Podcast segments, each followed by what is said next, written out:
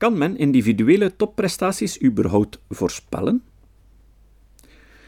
Het antwoord op deze simpele vraag luidt eenvoudig nee. Het begint al met de moeilijkheid om de beste mensen te selecteren.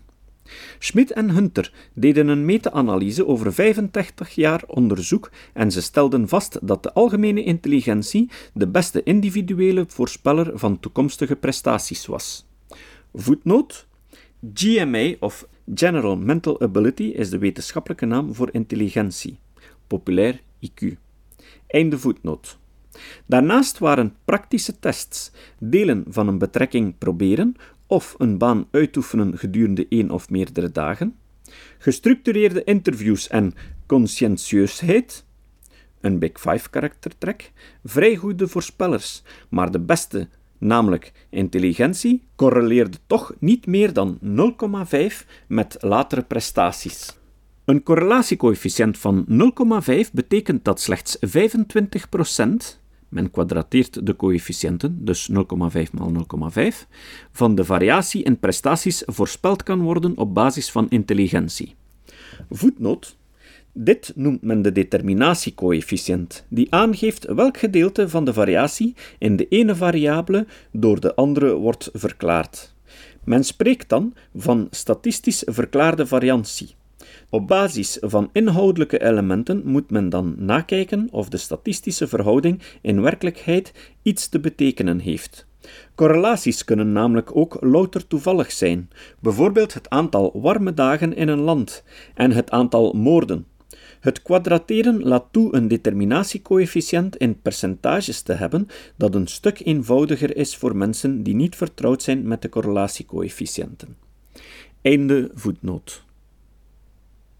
De zogenaamde incrementele predictieve validiteit komt zelden boven de 30% uit. Voetnoot.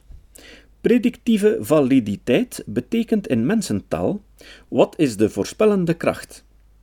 Voor een goede IQ-test is dit bijvoorbeeld 0,5 correlatiecoëfficiënt of 25% van de verklaarde variantie, determinatiecoëfficiënt.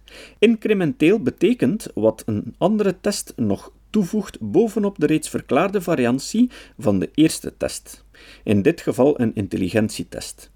Einde voetnoot. Dit betekent dat men de voorspellende waarde van de selectiemiddelen niet sterk kan doen stijgen door bijvoorbeeld een intelligentietest te combineren met een persoonlijkheidstest en een gestructureerd interview. Dit werd bevestigd door Philippe Lievens van de Universiteit van Gent, 2004 omdat uit zijn artikel en het onderzoek van Schmidt en Hunter in 1998 bleek dat assessments niet zo'n denderende voorspellende waarde hebben, kreeg hij bijna de gehele assessmentsector in België over zich heen. Ook prestaties variëren op een natuurlijke wijze en van week tot week. Rotte 1978. Topsporters kennen dit biologisch gegeven en spelen hier ook op in. Het betekent ook dat gewone mensen niet constant in staat zijn tot topprestaties in hun werk en echte ofdagen hebben, net als sporters. Dit kan hen ook parten spelen bij selectieproeven of assessment centers. Daar komt dan nog bij dat er ook bij de beoordelaars heel wat verkeerd kan gaan. Er zijn veel vormen van oordeelsvervorming, bias, bij psychologen bekend. Om er maar één te noemen: de manager die heeft deelgenomen aan een recruteringsproces blijkt later geneigd te zijn de prestaties van de gekozen persoon gunstiger te beoordelen. Met andere woorden, hij is slachtoffer van zijn confirmatieneiging. Schoorman, 1988. Als iemand dus toevallig een topdag heeft gehad tijdens de selectieprocedure, is de kans groot dat hij voor de rest van zijn carrière door deze manager als een talent wordt beschouwd. Goede prestaties zijn ook niet alleen het werk van de getalenteerde persoon zelf. Lawrence Kahn, 1993, onderzocht in de sport wat de invloed was van baseballcoaches. Hij stelde vast dat alleen aanleg of talent onmogelijk de prestaties gedurende een bepaald jaar konden verklaren.